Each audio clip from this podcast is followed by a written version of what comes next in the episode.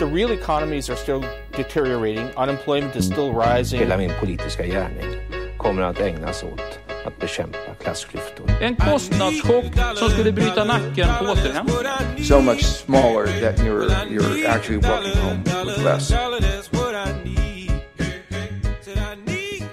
Hej och välkomna alla kära lyssnare till nya pengar och politik. Och vi hade ett litet eh, juluppehåll, vi har varit lite jullediga. Vi redogjorde ju ganska noga för, får man säga, innan jul, vad vi skulle göra under jul. Nämligen kolla på gamla serier.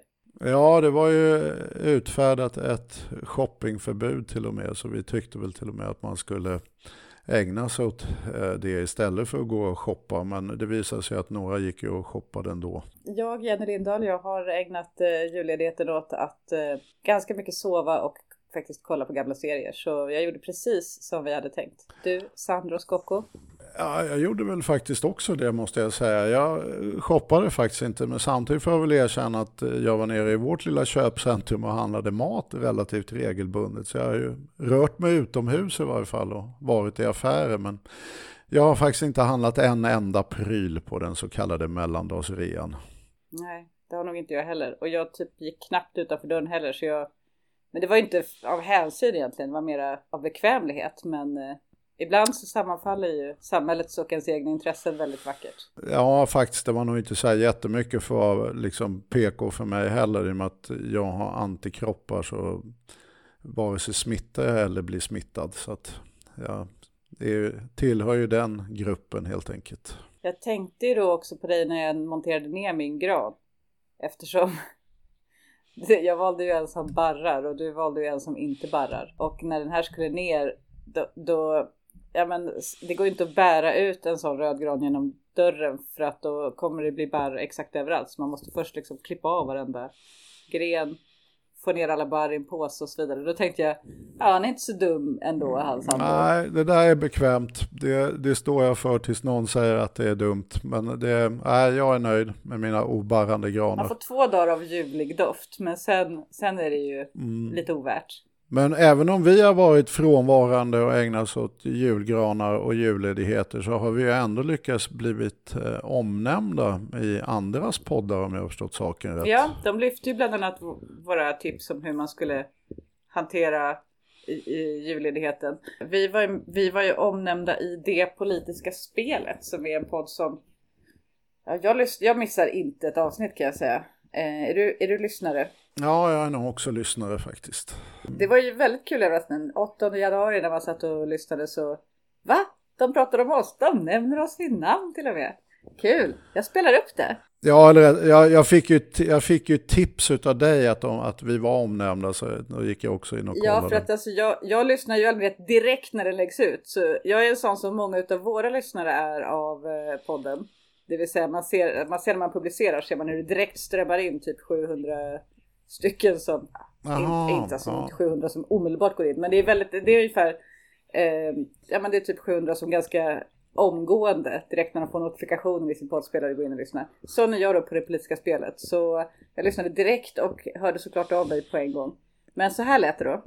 Det finns också saker på vänstersidan, nämligen poddflaggskeppet Pengar och politik har blivit nya Pengar och politik. Det har lämnat arena och LO-pengarna för att helt gå i Nooshi Dadgostars såld. Det är nämligen så att Jenny Lindahl och Sandro Scocco nu är anställda av Vänsterpartiet. Och jag tänker, kanske blir det här den här rent partistiska kampanjpodden vi längtat efter. Ja, som till exempel den här amerikanska podden Save America. Och med samma amerikanska influenser så har Sandro döpt om januaripartierna till The Rest, eh, den demokratiska alliansen kan vi kalla dem för. Ja, Fredrik, vad tycker du? Den demokratiska alliansen, eller kanske bara resten? Eh, tycker du att det är ett bra namn? Jag tyckte resten var lite konstigt. Och den demokratiska alliansen kan jag tänka mig att de andra riksdagspartierna kanske inte är helt nöjda med. My, tror du att de kommer svälja detta?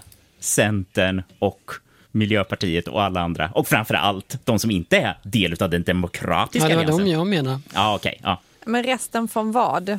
Konstig utgångspunkt för en vänsterperson att tycka att någonting är högersidan och sen är det andra resten.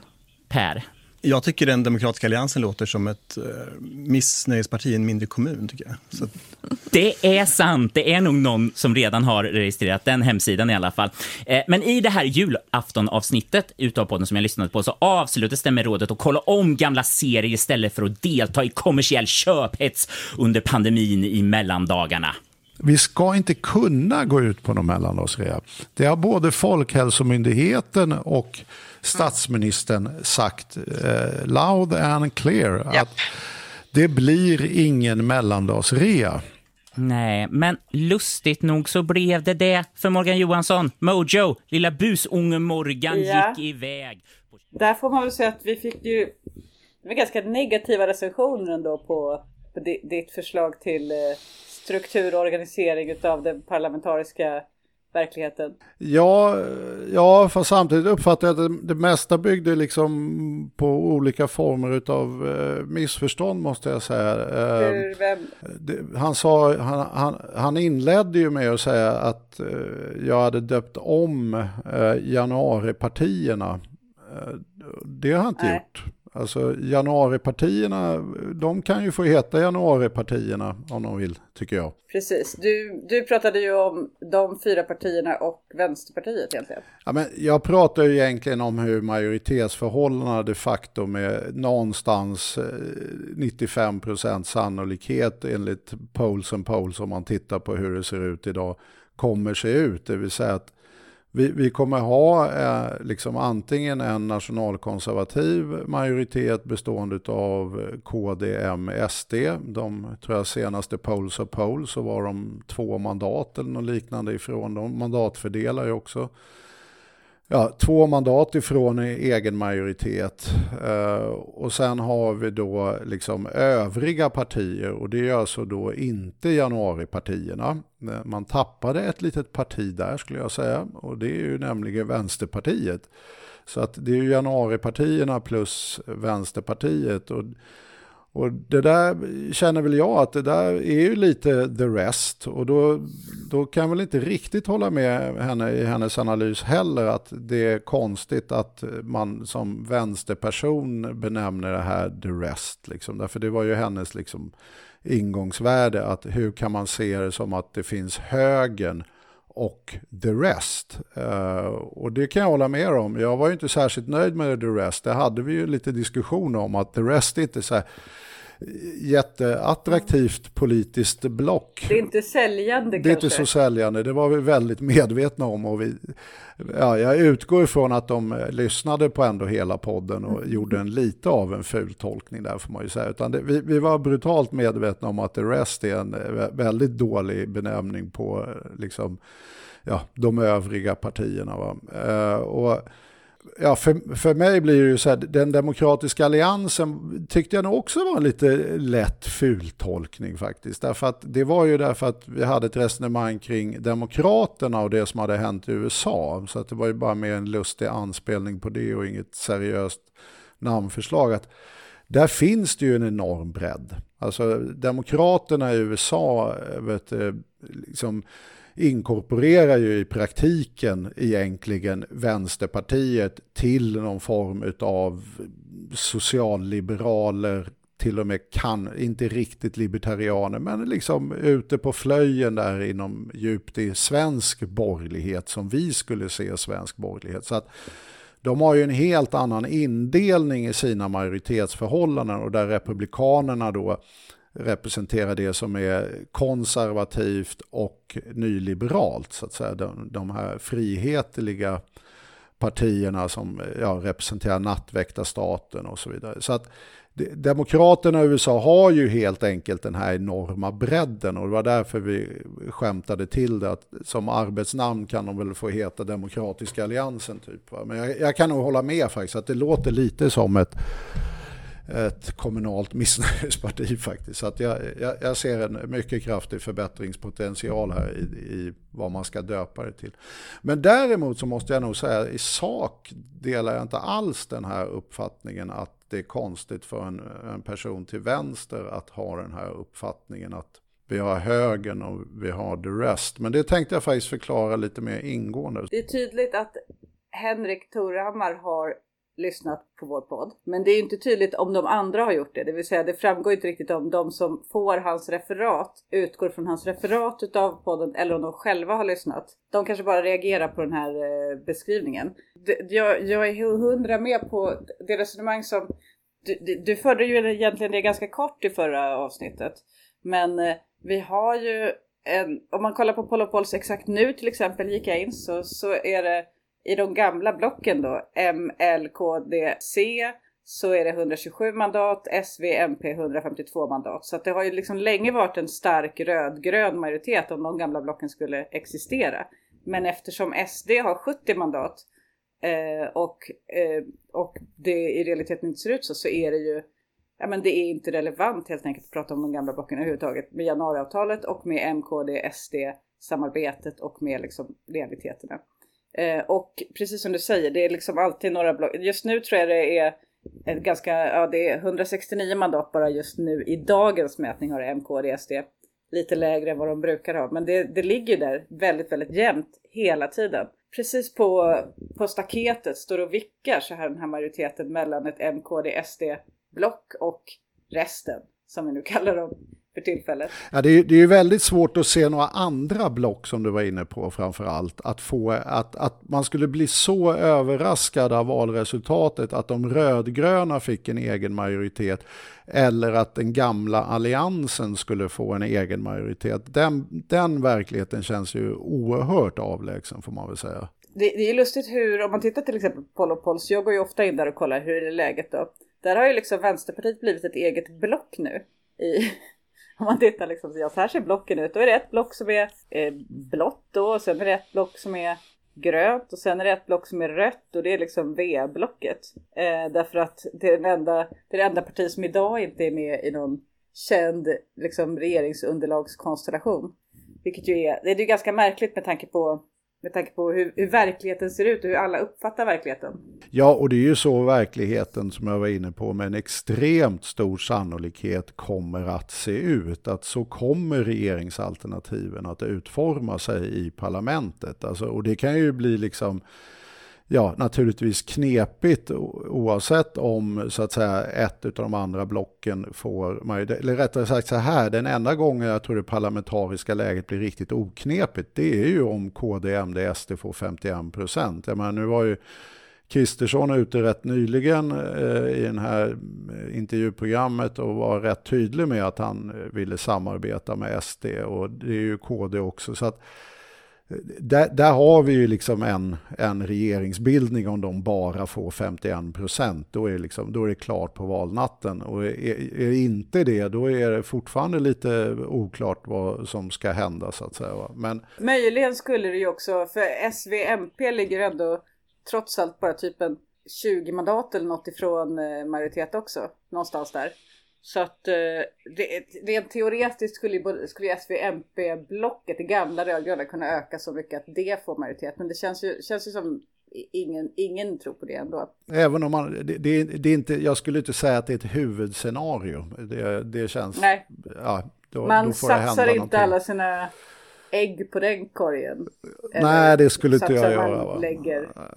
ja, nej, det, det känns lite för vågat helt enkelt. Men, men det, det, det jag tycker är vet, lite signifikant här på hur, hur just hur liksom politiska journalister tolkar det här. Att, att man har den här mera eh, semantiska, retoriska tolkningen av politik. Medan jag jobbar kanske mer med en eh, mekanisk, filosofisk tolkning av politik. Och jag har märkt att det oftast innebär en viss förbistring i hur man eh, så att säga förstår världen. Uh, och det är därför jag menar det här med till exempel när hon då säger att även om jag nu ska inte vara gnällig utan tvärtom så var det ju jättekul att vet, politiska spelet eh, liksom uppmärksammade oss och kallade oss till och med, jag kommer inte ihåg vad det var, flaggskeppspodden och sådär.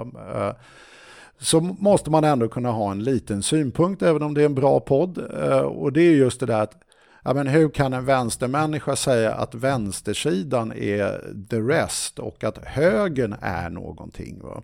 Mm. Och, och det, där, det där tycker jag nog är just den här semantiska, retoriska och politiska speltolkningen utav politik. Och här har jag då naturligtvis en liten eh, referens. Mm. Det har kommit ut en alldeles nyutkommen bok, Känsliga frågor, nödvändiga samtal, att lära om och av kontroverser, som är utgiven av studentlitteratur.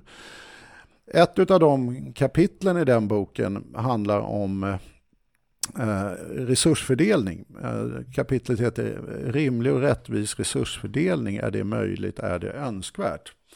Det har skrivits av en väldigt duktig kille.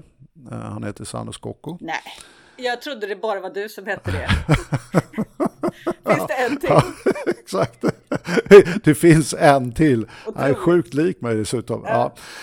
Ja, nej, men skämt åsido så har jag skrivit ett kapitel där. Va? Och där, där försöker jag ju då mera utifrån det här äh, ja, funktionalistiska perspektivet och liksom idépolitiska och närmast filosofiska perspektivet reda ut vad, vad är egentligen politiska skiljelinjer? Alltså hur, hur förhåller vi oss till eh, rimligt och rättvist och så vidare. Va? Alltså innan du går in på vad du tycker är det, jag, jag, jag är typ tillräckligt smart för och liksom typ bildad för att ha en ungefärlig uppfattning om vad du menar när du säger semantiska och lingvistiska och funktionella och så vidare här. Men jag är inte tillräckligt smart och bildad för att, för att vara helt säker. Du kommer ju komma in på vad du menar i praktiken. Men jag tänker numera på vad de här orden betyder. Ja, men det, det kan jag faktiskt förklara lite, för jag har ändå en liten idé kring det där. Uh, och, och det är vet, att vilket inte är konstigt. Är man journalist så använder man ju språket eh, och man lyssnar ju på vad folk säger och man måste ju på något sätt förmedla också vad folk säger och, och de ord de använder. Och sen så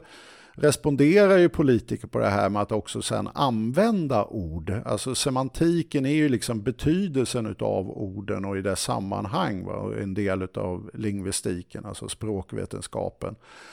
Uh, och den lingvistiken i sig har ju fått ett enormt uppsving de senaste, jag skulle säga, ja, 50-60 åren och sånt där.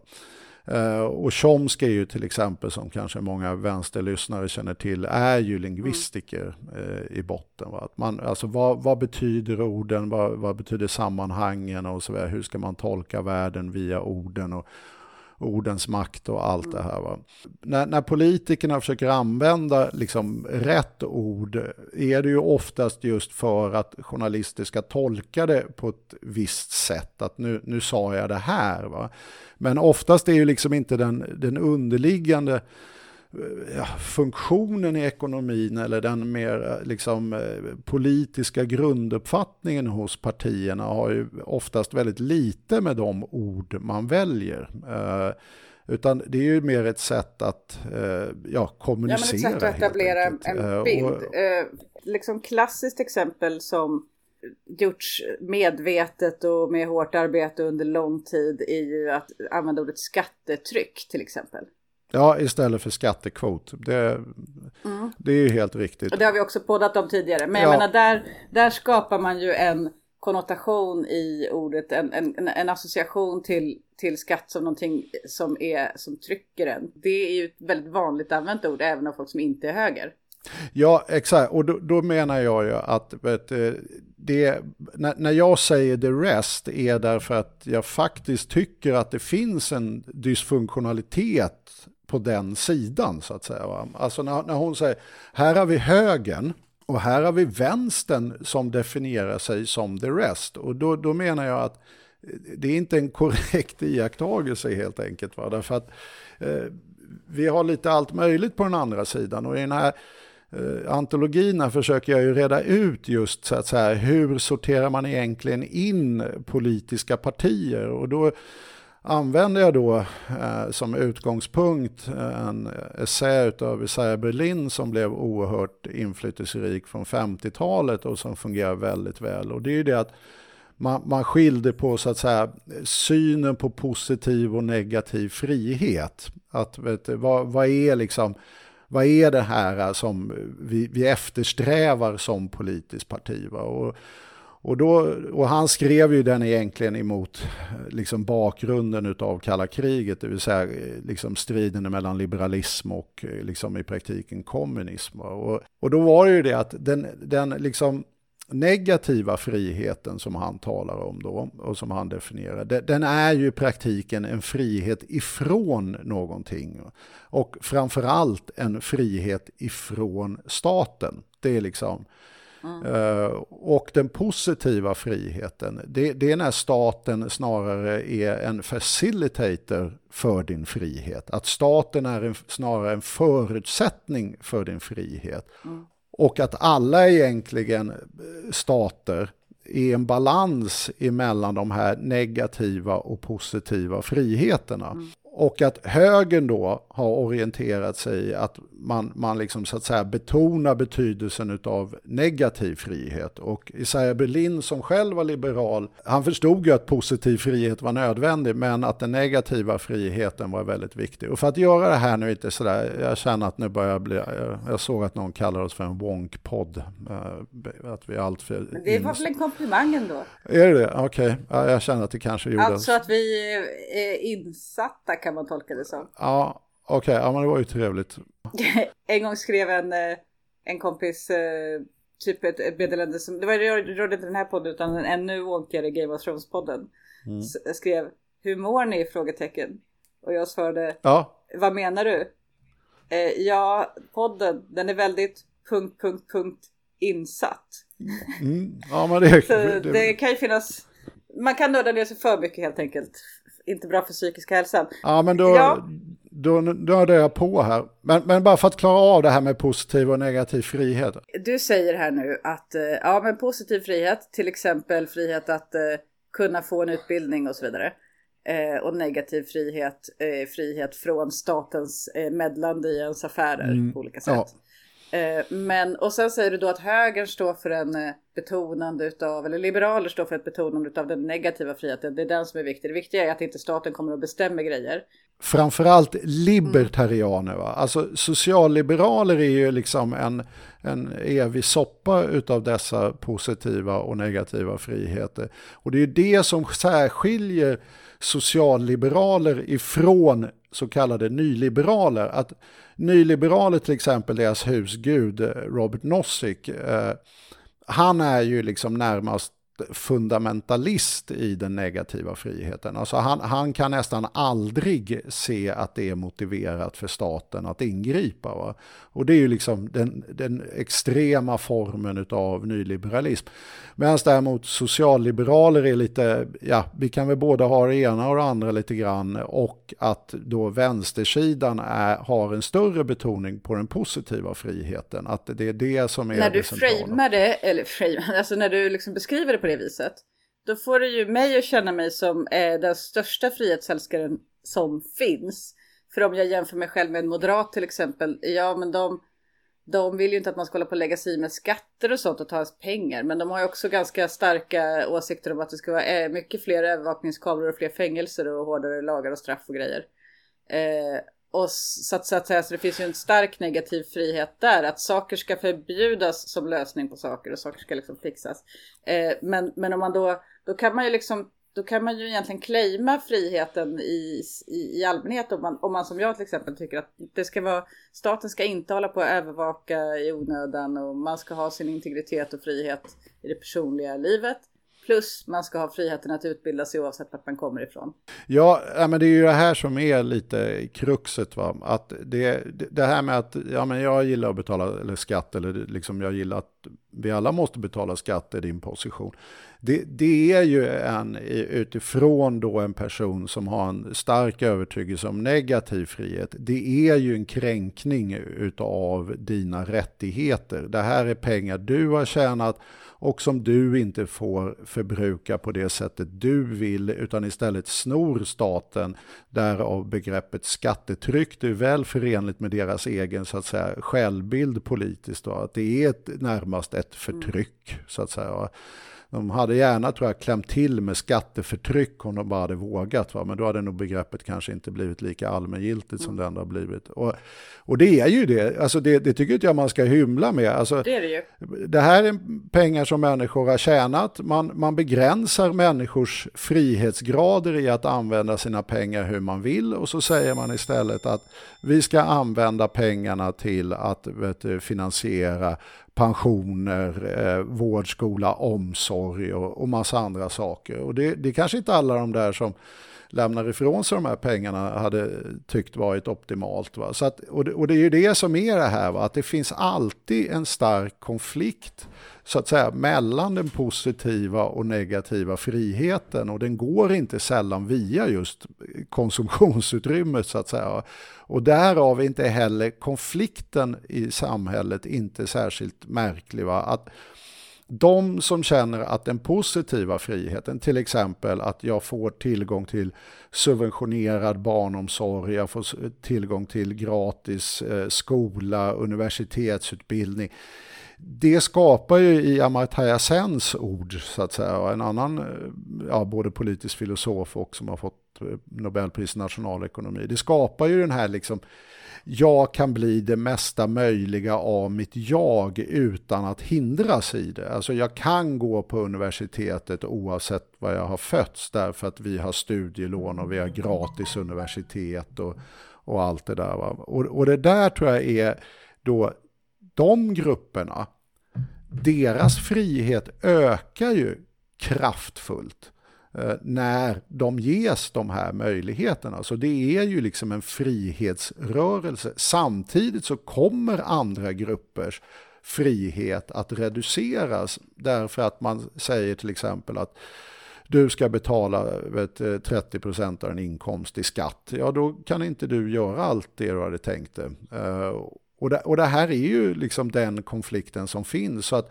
därför en del hushåll i Sverige skulle ju onekligen kunna så att säga avstå ifrån skatt och därmed också naturligtvis de förmåner som kommer med det och gå på plus. Jag menar, tjänar du en miljon i månaden, då, då kan ju du pröjsa din utbildning, du kan pröjsa din sjukvård och du skulle fortfarande ha pengar över. Så samhället i den meningen är också omfördelande. När man vill garantera allas frihet, då blir också samhället omfördelande därför att det helt enkelt fördelar de här frihetsmöjligheterna på ett mera jämlikt sätt. Och det gör ju mig till vänster. Att jag ser ju den här positiva friheten som helt central för att kunna frigöra människor, att samhället ska ha en viss social rörlighet och så vidare. Va? Inte minst faktiskt för att vi överhuvudtaget ska kunna ha ett meritokratiskt samhälle och inte bara positioner i samhället ärvs så är det helt nödvändigt med positiv frihet. Men är jag yrkesskadad om inte jag kan skilja det här? Alltså jag har svårt att skilja semantiken och retoriken från sakinnehållet här. Jag vet inte om det beror på vad jag jobbar med och så. Då ska jag, jag komma till du... semantiken nu. Ja. Att om, om vi nu har förstått att egentligen så är både högern och vänstern frihetsälskande i detta avseende. Och mm. båda två har väldigt tydlig uppfattning om rättvisa, mycket utifrån sina frihetsbegrepp. Alltså vad är det som skapar frihet för människor? Jo, det är det här. Och då är det ju för en nyliberal, är det ju att inte bli kränkt i min rättighet att fullt ut disponera mina tillgångar, mina inkomster och så vidare. Och då, då är vi inne på arbetsrätten också. Det är också en gammal målkonflikt. Jag menar, här har jag anställt människor, jag får väl göra vad fan jag vill med dem. Och då blir ju den som upplever upplever det här lite purken på att jag inte har friheten att disponera min tillgång på det jag vill. Eller till och med ett mer annat fall, sådär, jag vill riva den här K-märkta kåken och bygga en, en, glasvilla. Och så, ja, det får du inte göra. Jag äger ju tomten. Det är också en frihetsinskränkning. Va? Och, och vi håller ju på med sånt där hela tiden. Och då är man hardcore nyliberal, då tycker man ju allt det där dåligt. Men det, med arbetsrätten blir det också likadant. att Jo, jo, men det skapar ju en större frihet för löntagarna att få en trygghet att kunna uttala sig tycka saker utan att riskera sparken. De får helt enkelt någon form av frihet utav detta. Va? Och då, då blir det så här att, okej, okay, om man förstår det här att båda de här grupperingarna har väldigt starka känslor och uppfattningar kring rättvisa. Och de har oerhört starkt engagemang i frihet, men de ser på det på väldigt olika sätt. Och det sorterar in människor i en höger-vänsterskala. Hur, hur har då den politiska semantiken då utvecklats utifrån det här? Jo, då har ju liksom, det, det är inte så roligt att säga till människor att ni ska inte få vård, skola, omsorg. Uh, utan man vill ju mer säga någonting positivt om man är så att säga politisk profet. Och då blir ju naturligtvis... Vi slippa betala skatt. Då, då blir det ju liksom för högern, blir ju då, eller liksom den nyliberala högern som vi har haft under en lång period. Nu har vi ju, håller vi på att formera en annan höger. Men då blir ju det frihet. Vi står för frihet. Uh, och så tyckte då vänstern på den tiden, när orättvisorna var mycket större, att det där med frihet var inte så här hårt att sälja till det här gänget, för det var ett väldigt komplicerat resonemang. Vi vill frigöra er från de här liksom begränsningarna ni upplever i era liv och ni ska gå på universitet. Utan då blev ju vänsterns slagord rättvisa. Där har du den politiska mm. semantiken.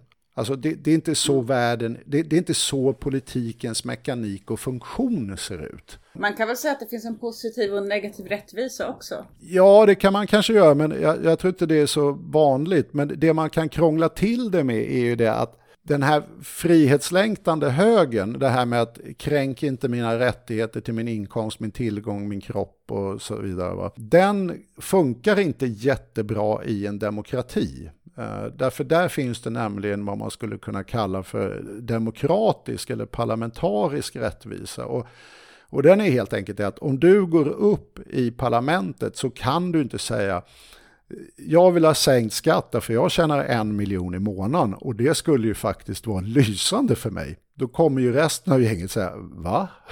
liksom, det, det var ett dåligt förslag. Uh, och det, och det här gör ju det att den parlamentariska rättvisan måste på något sätt alltid gynna eh, det stora flertalet. Och, och ser man då så här, att, att hela det här eh, blocket nu som i praktiken utgör ett så att säga majoritetsalternativ skulle utgöras utav vänstern. Det har jag väldigt svårt att ta till mig utifrån det här eh, så att säga politiskt filosofiska perspektivet vad partierna verkligen står och vad som styr dem idag.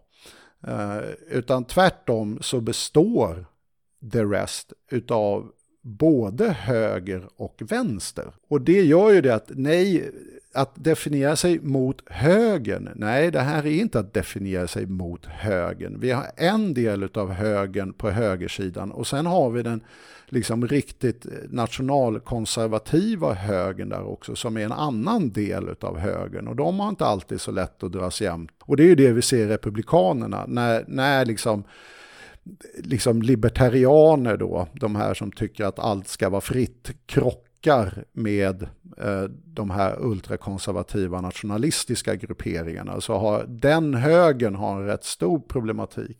Men vi har ju flyttat över till the rest, eh, två partier som egentligen är så att säga för negativ frihet. De, de driver hela tiden en politik som handlar om att öka den negativa friheten. Problemet med det är ju det att positiv och negativ frihet är ju kopplat. Att du oftast reducerar någons frihet när du ökar någon annans frihet. Eh, och här är det ju så att de här grupper, den gruppering vi har idag så kan man ju säga att Vänsterpartiet är det som starkast betonar positiv frihet, det vill säga statens möjligheter att frigöra människor i de hinder de skulle kunna uppleva när de ska liksom utvecklas som människor i ett samhälle. Vi måste fixa bostäder, man måste göra det där och du vet, så här, man, man liksom har helt enkelt en väldigt stark betoning på positiv frihet. Och sen socialdemokratin också, men lite mindre och lite mittemellan där. Va? Men sen har vi ju då Liberalerna och Centern som är, skulle jag säga, partier som egentligen i den här här eh, indelningen skulle tillhöra Republikanerna. Och det är då lite märkligt utifrån det att så är det idag. Så har det inte alltid varit. Eh, till exempel på 70-talet och början på 80-talet, då var ju eh, den tidens folkparti ett riktigt genuint socialliberalt parti var till exempel otroligt positiva och drev en form av löntagarfonder och demokratiskt ägande och allt möjligt sånt där. Eh, min gamla chef Carl Tam, då var han förvisso socialdemokratisk minister, var ju partisekreterare under ett av de partiprogrammen som skrevs där och jag kan säga att det var väldigt radikala grejer det som har hänt är ju att det som är Liberalerna då har ju gjort en otroligt kraftig förflyttning in i så att säga det nyliberala fältet. Och detsamma gäller då det här gamla bondeförbundet som var egentligen ett folkrörelseparti, småföretagare och så vidare. Och rätt konservativt får man säga. Därav så skulle jag säga att det, jag håller med dig, det skulle vara väldigt konstigt för en vänsterperson att definiera ja, vänsterkanten som the rest i förhållande till en högerkant. Men det fanns faktiskt ett politiskt tankegods i det jag sa när det är the rest. Och det, det här jag ser är den stora utmaningen. Den här sidan som nu står emot ett nationalkonservativt block måste få liksom en större ordning på sig. Jag menar, om man nu tar Centerns position när det gäller Vänsterpartiet så den framstår ju som eh, fullständigt omöjlig efter nästa val ens i ett bra utfall. Att det är väldigt svårt att se att dagens konstellation som nu får igenom sin budget eh, skulle vara större än M, KD, SD. Det, då får vi också bli väldigt, väldigt överraskade över valresultatet. Så min bedömning är att med största sannolikhet blir valresultatet ett valresultat där eh, Vänsterpartiet kommer att behöva ingå i någon form av samarbete och majoritet för att helt enkelt den, all, den sidan ska få igenom sin budget. Mm.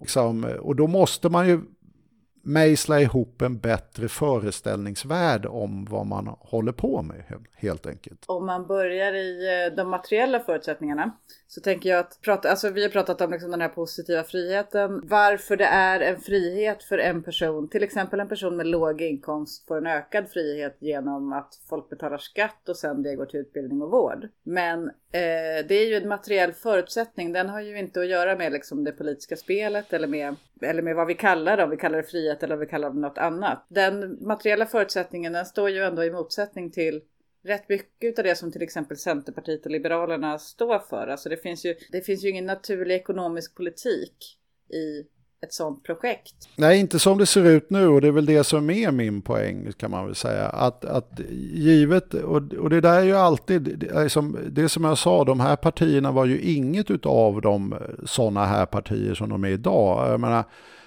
ett, ett socialliberalt alternativ i den här konstellationen, då, då skulle man ju liksom kunna benämna det center-left i någon sån här allmän mening. Och då, då kan man fortfarande ha ett, ett gemensamt projekt. Det är några som drar dit och det är några som drar dit. Men det här är ju i praktiken politiskt motstående uppfattningar.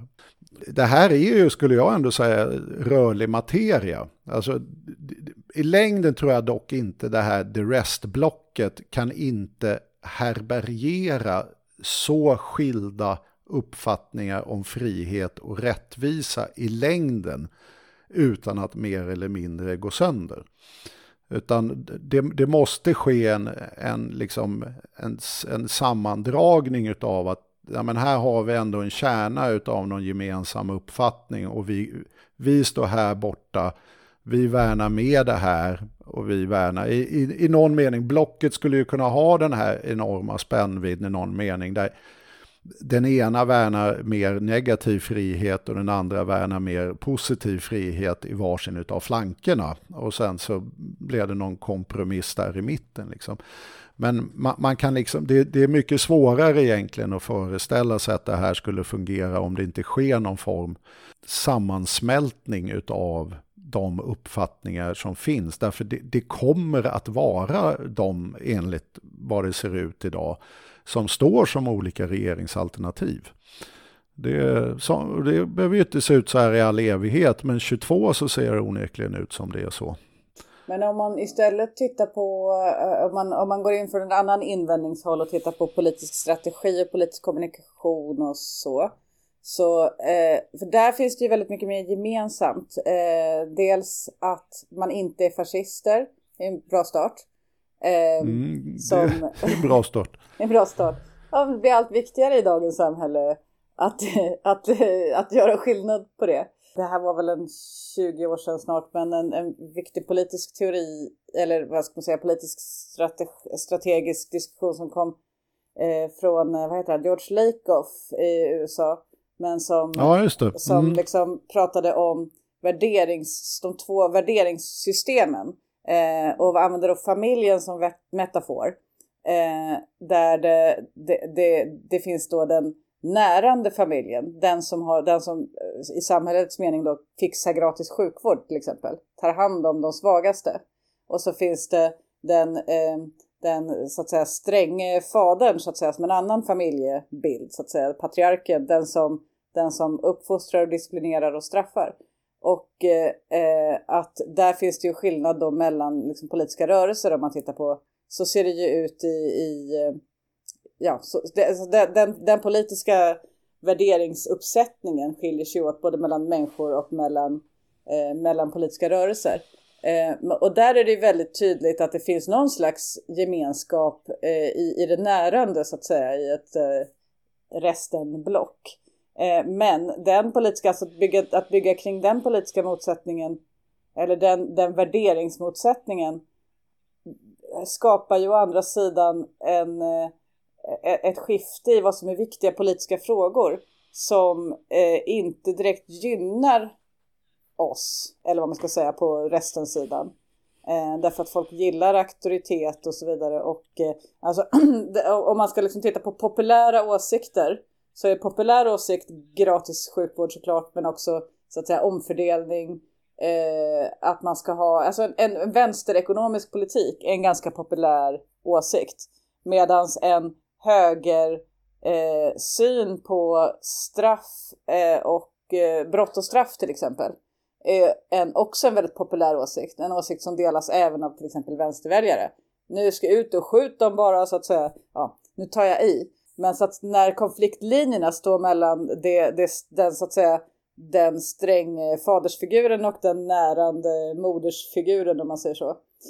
nu, nu pratar jag ju i flummiga termer här. Men då är det inte säkert att man vinner på det. Det är inte säkert att folk håller på morsan. Nej, men jag, jag, tror ju samtidigt att allting handlar ju lite om hur man spinner och det är det jag menar med den här liksom politiska retoriken och semantiknivån som sällan egentligen skapar ett större djup kring eh, förståelsen för vad man egentligen har för grundläggande drivkrafter och vilja i ett politiskt parti. Och det, en sån skulle jag ju ta till exempel skolan som jag också tar upp här i den här antologin. Att liksom, alltså om, om man tittar på då personer som skulle ha liksom en preferens för starkt negativ frihet. Jag, menar, jag nämnde ju Nossik tidigare. Va? Jag menar, han skulle ju argumentera för att det är liksom, man, man kränker inte människors rättighet till liv, egendom och frihet va? i hans då tolkning av frihet. Men är man lite hård, hård, liksom hård i konsekvensen av detta, så, och det var ju Nossik, va? vissa trodde att han nästan skämtade ibland, men, ja, men det är ju så här, varför ska staten vara inblandad i utbildningssystemet? Alltså det, det där får väl föräldrar investera bäst de vill i sina barn och efter vilken avkastning de tror att de kan få och så vidare. Va? Alltså det, det blir väldigt hårdhänt när man har en riktigt stringent linje på negativ frihet. Men där har ju praktiserande nyliberaler blivit då istället så att nej men det är såklart staten måste vara inblandad i utbildning. De ska till och med säga huruvida man får ha mobilen i klassrummet eller inte. Så mycket ska Ja, de är lite svajiga på det där att de ibland blir de väldigt auktoritära istället. Men det är ju egentligen inte riktigt libertariant, va? de är ju mycket mer rock'n'roll liksom. Eh, men då blir ju liksom principen om man har den här föreställningsvärlden blir ju att ja, staten måste hjälpa till därför att det är viktigt. Men den ska göra det på ett sånt sätt så att det påverkar så lite som möjligt. Och då blir lösningen, okej, alla barn får en skolcheck de kan köpa en skolplats för, för samma peng. Och, Okej, då blir man så här, okej, nu har staten ändå sagt att alla barn måste ju kunna läsa typ och det är väl vettigt så att fine, vi, vi får vara lite pragmatiska här. Vi skickar ut en skolcheck till allihopa. Men i ett sånt system så skulle man ju också säga att efter det, då får ju föräldrarna investera hur mycket de vill i sina barn. Det är en väldigt, så att säga, även den mer praktiserande nyliberalen skulle nog ha det. Va? Och att skolorna agerar ju på en marknad och får ju ha vilka så att säga inträdeskrav de vill. Alltså du försöker verkligen minimera statens inflytande över vet, familjers eh, och skolors val. Därför det är det som är rättvist. Här har alla fått samma peng.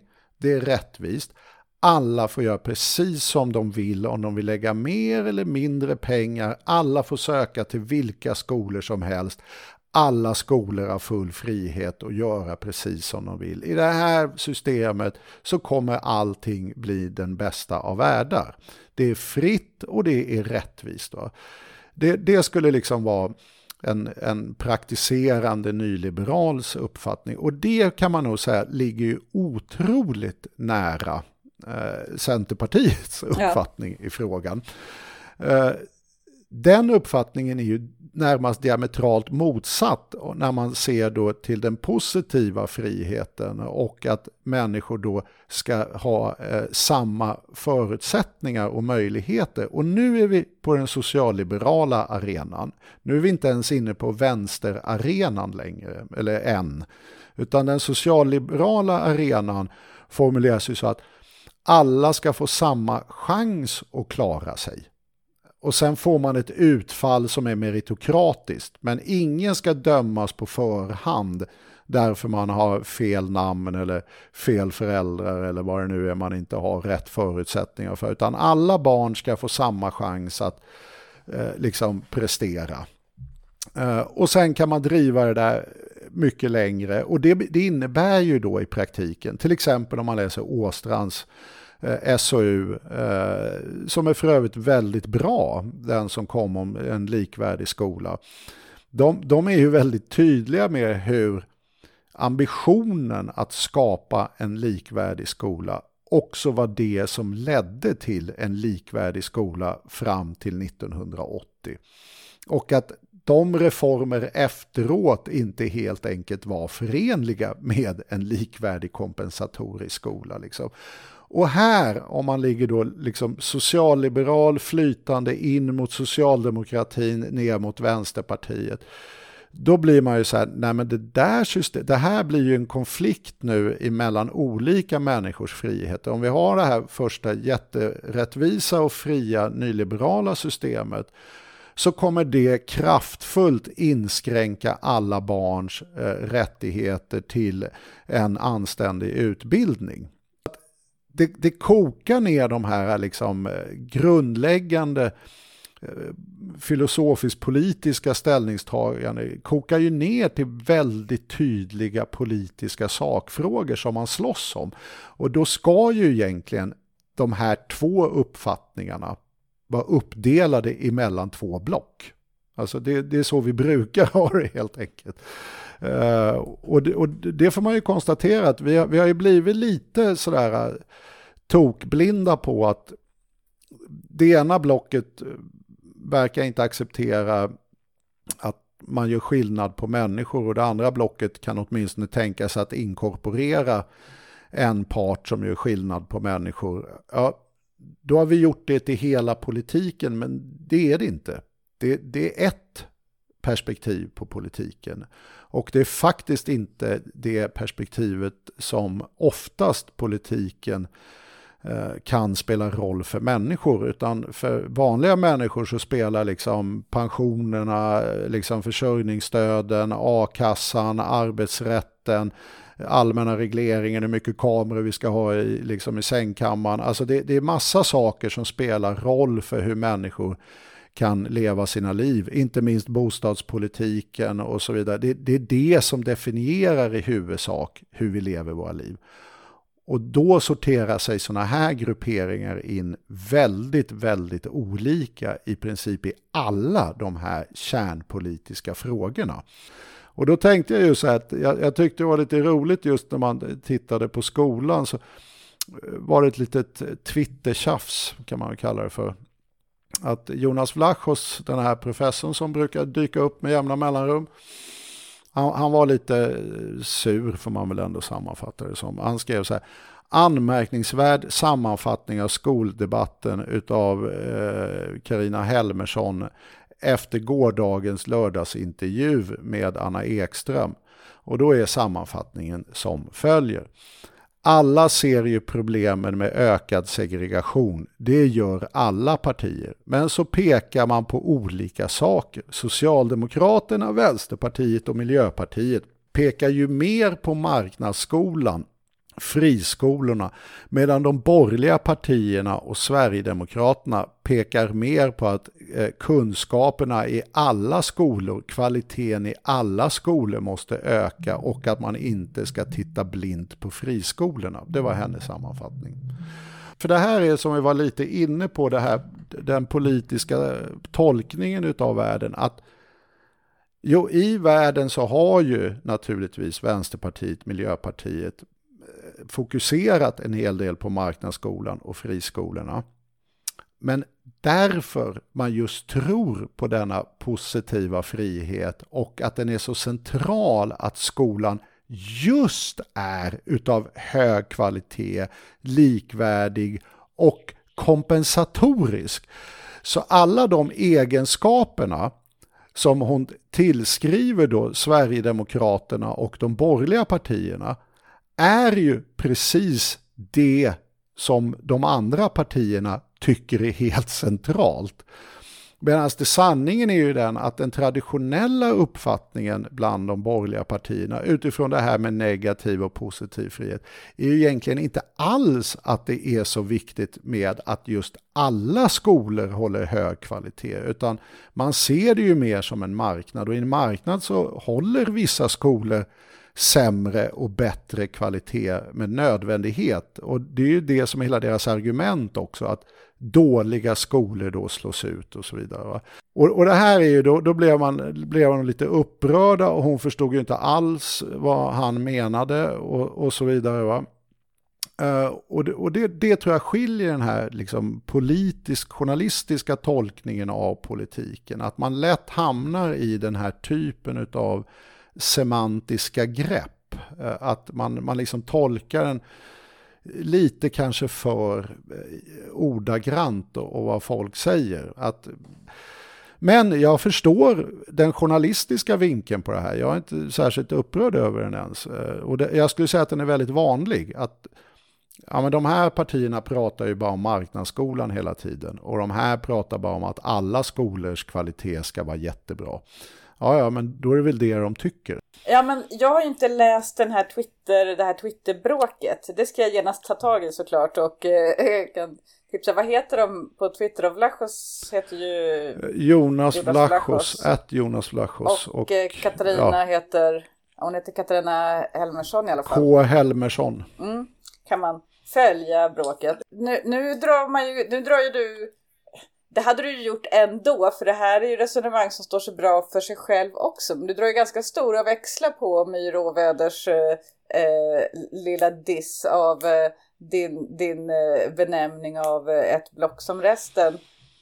Om, om, vi skulle, om, vi skulle anta, om vi skulle anta, vilket vore fel, att hela det här samtalet handlar om det. Men det var bara där vi började. Nej, det gör det verkligen inte. Utan Eh, jag tyckte jag bara att det menar- var ett jag- exempel ja, på att ta upp det nu. Jag har sett det här Mm. många gånger och då, och då blir jag lite så här att det, det är någonting, och så funkar jag, att det, det är någonting som gör att jag undrar hur sker den här kommunikationen och varför ser inte vissa det jag ser? Och då har jag kommit fram till att, att det handlar om en, en mer lingvistisk tolkning utav politik. Det är väl liksom ett nytt begrepp, den lingvistiska tolkningen av politik. Men ja, precis. Och det är ju, det är ju något som, som du säger, som vi också har diskuterat. Jag menar, det, det finns ju. Men jag är väl inte hundra. Det är väl bara det jag vill ha sagt. Jag är väl inte hundra på att det är så man ska tolka den kommentaren i det politiska spelet.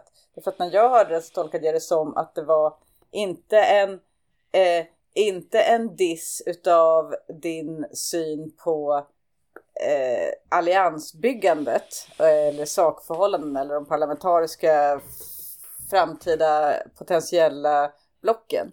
Utan att det var en diss utav eh, begreppet här.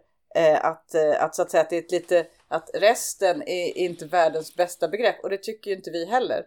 Så att, eh, så att jag, jag är inte säker, jag, jag vill bara säga att när jag lyssnar på det hon eh, säger så hör inte jag allt det du hör. Ja, fast det, det, det hör jag i den där meningen om att eh, liksom att definiera sig, att man, man har högern och sen skulle de andra definiera sig som the rest. Och, och det är ju det som är hela min poäng. Att vi har inte högern och vi har inte en välorganiserad andra sida helt enkelt. Det, det är ju det. Va? Alltså, jag håller med dig, hade vi en höger och någonting som var mer politiskt sammanhängande så skulle jag inte heller definiera det som the rest. Eh, då skulle jag förmodligen definiera det som eh, center-mitt eller något sånt där, va? Vilket är ett vedertaget internationellt begrepp. Eh, jag vill väl bara adressera den här frågan av att när, när vi väljer att kalla Liberalerna och Centern för mittenpartier, vilket implicerar just en center-mitt. Eh, och där de är då i praktiken då socialliberala och därmed hamnar i den här liksom lite mer ja, mjuka synen på positiv neg- negativ frihet och de medföljande rättvisebegreppen som kommer utav det. Den bilden delar jag helt enkelt inte. Utan högern är på två sidor här. Och då, och då blir det lite the rest, därför det har varit en annan fråga som har sorterat in de här partierna i respektive block än en höger-vänster-dimension. Det, det är väl det som är min... Så att, ja, jag tycker att nej, det är inte så konstigt därför att just det inte är högern man definierar sig emot. Nej, om Det det, är det hon menar. Men eh, jag Ja, det är säger, det hon säger. Inte, Vad hon menar kan jag, kan jag inte på något som helst sätt ta ansvar för. Men det är det hon säger. ja, ja, alltså jag, jag kan inte bevisa eh, vad det Nu är vi inne i en, en semantisk diskussion om huruvida det är en semantisk diskussion. Men jag menar, Ja. jag menar att Alltså du kan ha rätt, det är inte det jag säger. Du kan, det kan vara så. Men det kan också vara så som jag hörde, det vill säga eh, högern är ju ett bättre begrepp än resten så att säga. Eh, det är lite tydligare. Absolut. Eh, och att man Det kanske ska hitta ett annat begrepp än resten. Eh, Och de är högern också. Så att det, det är ju liksom det är ju lättare på den sidan får man Det- säga. det jag tycker dock att de ska kallas för nationalkonservativ höger. Jag, jag tycker inte högern heller är ett bra begrepp på det blocket faktiskt om jag ska vara ärlig. Och det tycker jag egentligen journalister också borde ta upp. att är högern ett särskilt lämpligt namn på det här gänget? Jag det är ju helt tycker- uppenbart att det finns så att säga, nationalistiska inslag och då är väl det blocket, om vi talar om block, det vill säga KD, M, SD-blocket, är ju ett nationalkonservativt block. Men kan vi spåna lite på vad, vad blocket ska heta då? Resten-blocket? F- Frihets... Någonting på frihet då? Kan vi, kan vi hitta någonting på den? Alltså där tycker, där, det lämnar jag med varm hand. Va? Alltså mitt det här Demokratiska alliansen eller the rest var mera, det, det, var mer just utifrån det här funktionalistiska perspektivet. Att, att det finns ett problem på the rest-sidan som måste adresseras utav de partier som är på the rest-sidan om de vill bli ett, ett liksom anständigt regeringsalternativ. Och just nu inför 22 så ser det ju ut som att det är ungefär de två alternativ vi har. Eh, the rest och liksom en nationalkonservativ regering. Och då, då efterlyser jag bara lite större ordning och reda på the rest och ett betydligt sexigare namn. Kan du tänka dig full employment in a free society-blocket? Jag har ju absolut inga problem att tänka med det kan jag säga. Det, det, det skulle jag älska om den hette. Ja, det, dessutom var ju just det faktiskt, en, det ska man inte heller glömma, det var ju alltså en högerregering som tillsatte den utredningen för att hur skulle vi rigga systemen efter andra världskriget. Och det var en person som ansågs liberal som eh, satte titeln och gjorde utredningen uh, Beverage. Uh, så att egentligen borde blocket kunna heta Full Employment and Free Society och så förkortar man det till vad det nu blir. För, lite konstigt med engelska. Vänta, nu, nu, kommer för... någon ta det här seriöst och såga benen av oss därför vi lägger idiotiska förslag och det, det är ditt fel Jenny. Fejafs, det är inte så bra. Fejafs. Nej, det är inte bra. Blocket. Eh, men, men jag tror en, en mer seriös poäng är ju det att tyvärr är den här lingvistiska politiken eh, oerhört viktig i någon mening. Att, jag, jag, jag, kan inte låta bli, som jag också tar upp i den här antologin, då, att eh, jag tar ju upp det här med värnskatter och där liksom där, där finns det ju verkligen den här bilden att det finns två bilder och, och, och där egentligen alla tycker att man, man vill inte begränsa någons negativa frihet utan att det gör någon nytta. Utan all, all den här begränsningen av den negativa friheten, till exempel i form av skatt eller någonting annat. Eller måste som, ha, sprit, vad sa du? Eller som spriten som...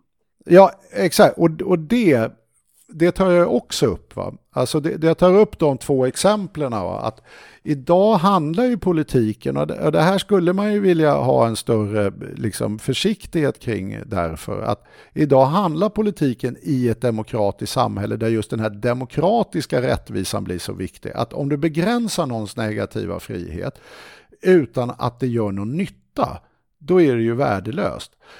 Därav kommer ju de som argumenterar för större negativ frihet just argumentera den gör ingen nytta.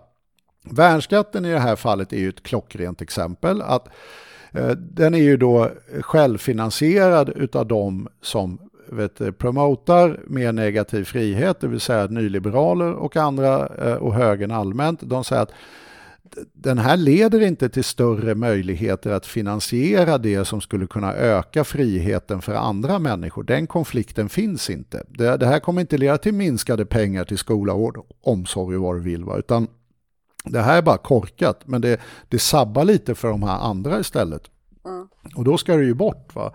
Och, och jag tar ju upp det likadant med eh, just spriten.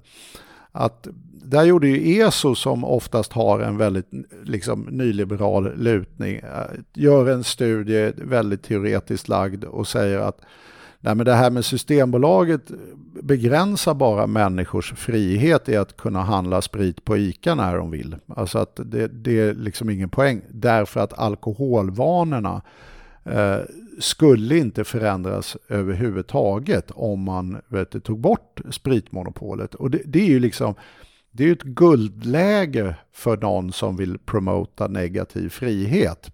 En, en, en hårdhudad nyliberal, men det är det som inte fungerar med det liksom demokratiska. Han skulle ju säga att det är bara fel att begränsa den negativa friheten, så lägg ner systemet. Ja, men då kommer ju folk supa ihjäl sig. Ja, men det är väl upp till dem, så att säga. Men då kommer ju sen Systembolaget beställt av en internationell eh, forskningskommission. Eh, att man skulle verkligen utreda hur, hur påverkas liksom befolkningen utav eh, minskad, eller vill säga, avskaffandet av alkoholmonopolet, ja då kommer ju de fram i sin studie att vet du, det här skulle ju leda till vet du, oerhört kraftiga effekter då i form av ökad eh, fyllekörning, ökade dödsfall, ökade misshandel i hemmet och de har till och med lyckats vara så vågade så att de faktiskt sätter siffror på det här. Alltså exakt hur många tusen mer dödsolyckor och vet, misshandelsfall och så vidare vi skulle ha.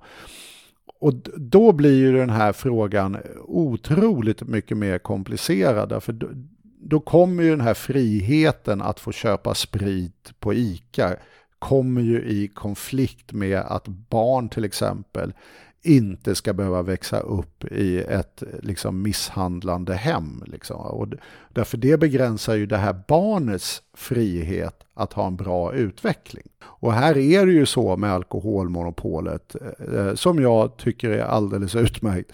Att, vet du, och de, jag tar det här, de kommer fram till 29 000 eh, misshandelsfall fler per år. Vi vet att många av de här misshandelsfallen kommer ske i hemmet. Vi vet att många barn kommer vara närvarande och så vidare. Det, det är liksom det är en direkt inskränkning i det, den barnets rättighet att faktiskt få bli det mesta möjliga av sig själv. Men det är väl egentligen det här jag är mest orolig för när det gäller politisk strategi. Att, eh, eh, för jag, jag delar ju din uppfattning att man bör ta någon slags hänsyn till verkligheten och eh, parlamentarisk verklighet och väljarverkligheten och alltså det vill säga hur ser mandatfördelningen ut, hur kommer den se ut, vad är eh, rimligt att tänka sig. Men samtidigt då så betyder det att man får, men det som jag var inne på, att man får en block, eh, man får en blockpolitik som bygger på en gränslinje mellan de här värdena lite grann. Och eh, där det är väldigt, väldigt svårt att vinna mot hårdare straff eh, hårdare straff och ta bort all rättssäkerhet för att ha rent mjöl i påsen har du inget att oroa dig för högern. Ja, jag vet. Vi, vi människor har ju tyvärr en sån fäbless. Alltså, och då får vi liksom ett, ett block med massor med, massor med jobbiga liberaler och sen massa typ eh, trevliga sossar och vänsterpartister och miljöpartister och så. Men om vi nu tar från min utgångspunkt, lite jobbiga, mm. de kanske, de kommer vara jobbiga i, i ekonomisk politik. Och så ska man då samarbeta och så kommer det liksom baneret man för kommer liksom kommer vara på det här. Det kommer ju vara om rättssäkerhet, om mänskliga rättigheter, om att inte vara, att inte vara rasist och att liksom eh, det ska vara, det, saker, ska, saker ska vara rimligt. och det är liksom och sen kom, det blir liksom Trump mot Biden. Nu vann ju Biden. Eh, men eh, kanske inte skulle vinna varje gång så att säga. Nej, och, och, Biden vann ju just på att alltså utlova faktiskt förändring. Och det, det, är väl det jag tror. Och det är det som kanske blir då lite knepigt. Men om Demokraterna fick ihop det så borde ju även ett sånt här mera då, vi säger center-mitt på riktigt då, men det skulle då kräva att vissa partier förändrade sina positioner, skulle ju kunna genomföra massa bra saker och liksom inte minst inom då de hårda frågorna som rör sådana här saker som bostäder, arbetsrätt och så vidare. Och inom liberalismen så finns det ju faktiskt en hörnsten skulle jag säga i liberalismen som är social rörlighet. Alltså de här, liksom, jag vet inte vad vi ska kalla dem för, de gammelliberalerna. Det, social rörlighet är ju liksom det som motiverar mycket av deras negativa frihet, att det skapar just den här sociala rörligheten. Så här skulle man ju kunna finna en, liksom en gemensam bottenplatta, att vi alla älskar social rörlighet och vi alla älskar att det ska vara anständigt meritokratiskt. Ja, det blir det inte om överklassen ärver sina privilegier. Och, och det sticker ju även en liberal i ryggen. Um, kanske möjligtvis inte en nyliberal i någon mening, därför att eh, de kan ju ha ibland lite attityden att det är som det är, bara den negativa friheten respekteras. Men uh, för en mer traditionell liberal så tror jag att det finns egentligen väldigt mycket, och det, och det är ju lite förvånande, de här positionerna med att man ser just segregationen öka och man faktiskt inte tar, tar den frågan riktigt på allvar. Va? Vi ser ju också det när vi tittar internationella studier att Sverige har ju haft en bra social rörlighet men vi är faktiskt också ett av de länderna som har minskat den sociala rörligheten mest. Och, och det tycker jag är ett enormt varningstecken. Att är vi på väg in i ett mer traditionellt klassamhälle där, där positioner i samhället eh, närmast fullt ut ärvs. Eh, och, det, och, det, och det tycker jag är ju inte alls en, en liberals utgångspunkt heller. Det är definitivt inte en vänsterpartist, det är definitivt inte en socialdemokrats utgångspunkt. Men det borde faktiskt inte heller vara en liberal. Så att det finns saker att bygga på. Men det är ju, vi är ju inne på det här med Centern igen. Va? Det, de har ju blivit ett Ayan Rand, liksom nossig nyliberalt parti. Jag menar, vi kommer väl alla ihåg det här lilla debaclet med deras första partiprogram var det väl, va? med Annie Lööf. Så här, du vet det var månggifte och fri invandring och det, ja, men de, de var ju väldigt frihetliga vad, i den här negativa... Men det var, det var inte deras partiprogram va? Det var väl en någon slags idéprogram som någon hade tagit fram? Ja, det kanske det var. Ja, det skulle inte att... till partiprogram. Ja, jag kommer inte ihåg. Ja. Jag tror i alla fall inte att de antog det där på någon stämma. Nej det, gjorde, nej, det ströks ju innan. Men det, vart ju, ja, det jag kommer ihåg är att det vart ju en liten kris för Annie där när det här kom fram. Att de hade hittat på eh, massa roliga saker helt enkelt. Utifrån det här väldigt starka fokuset på negativ frihet. Va? Eh, men, men jag... det, är ju, det är ju inte alls någon kärna. Något som dock talar för att det ändå går att få någon slags riktning på en sån politisk majoritet är ju trots allt coronakrisen. Eftersom vi, det är inte business as usual, det är inte liksom, man håller inte bara på och kör på med gamla käpphästar. Då och då dyker de upp, vi, men, men eh, det, vi befinner oss också i ett läge där vi har eh, jättehög arbetslöshet, eh, vi har hela branscher som har slagits ut, alltså saker och ting behöver fixas. Eh, och man behöver hjälpas åt för att fixa dem. De behöver fixas med ekonomisk politik, med, med reformer, med, med saker som ska göras. Och det kanske också öppnar för möjligheten att eh, skapa, alltså att, att, att initiera liksom framtidsriktning så att säga som inte bara som inte bara är vänster så att säga. Nej, det, det, håller jag med om och det är väl det man får liksom hoppas på. Men jag, jag, jag, tror ju att det är väldigt viktigt på något sätt och här bär faktiskt media också ett visst ansvar. Alltså att vi, vi måste ju tillbaka till de frågor som verkligen spelar roll för, för liksom människor. Det vill säga jobb, trygghet, eh, inkomst, eh, liksom hela den uppsättningen av vård, skola, omsorg, den offentliga servicen och så vidare. Och, och, att vi återgår till en föreställning där vi lever i ett land. Jag, jag tycker nog att det har varit lite för mycket av Sveriges förenade kommuner eh, under coronadebatten och inte minst när folk börjar peka finger på varandra. Utan vi, vi lever i konungariket Sverige och i konungariket Sverige så är det även om vi har kommunalt självstyre och kommunala utförare eller regionala så är det upp till staten och därmed regeringen att säkra att alla barn har en likvärdig och bra utbildning och att den är kompensatorisk. Att alla våra äldre faktiskt får en anständig vård och omsorg och så vidare.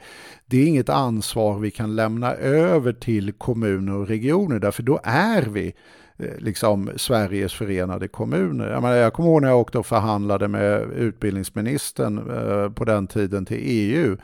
Eh, det var rätt jobbigt att handskas med tyskarna därför de hade ju delegerat ner utbildningspolitiken till eh, deras delstater.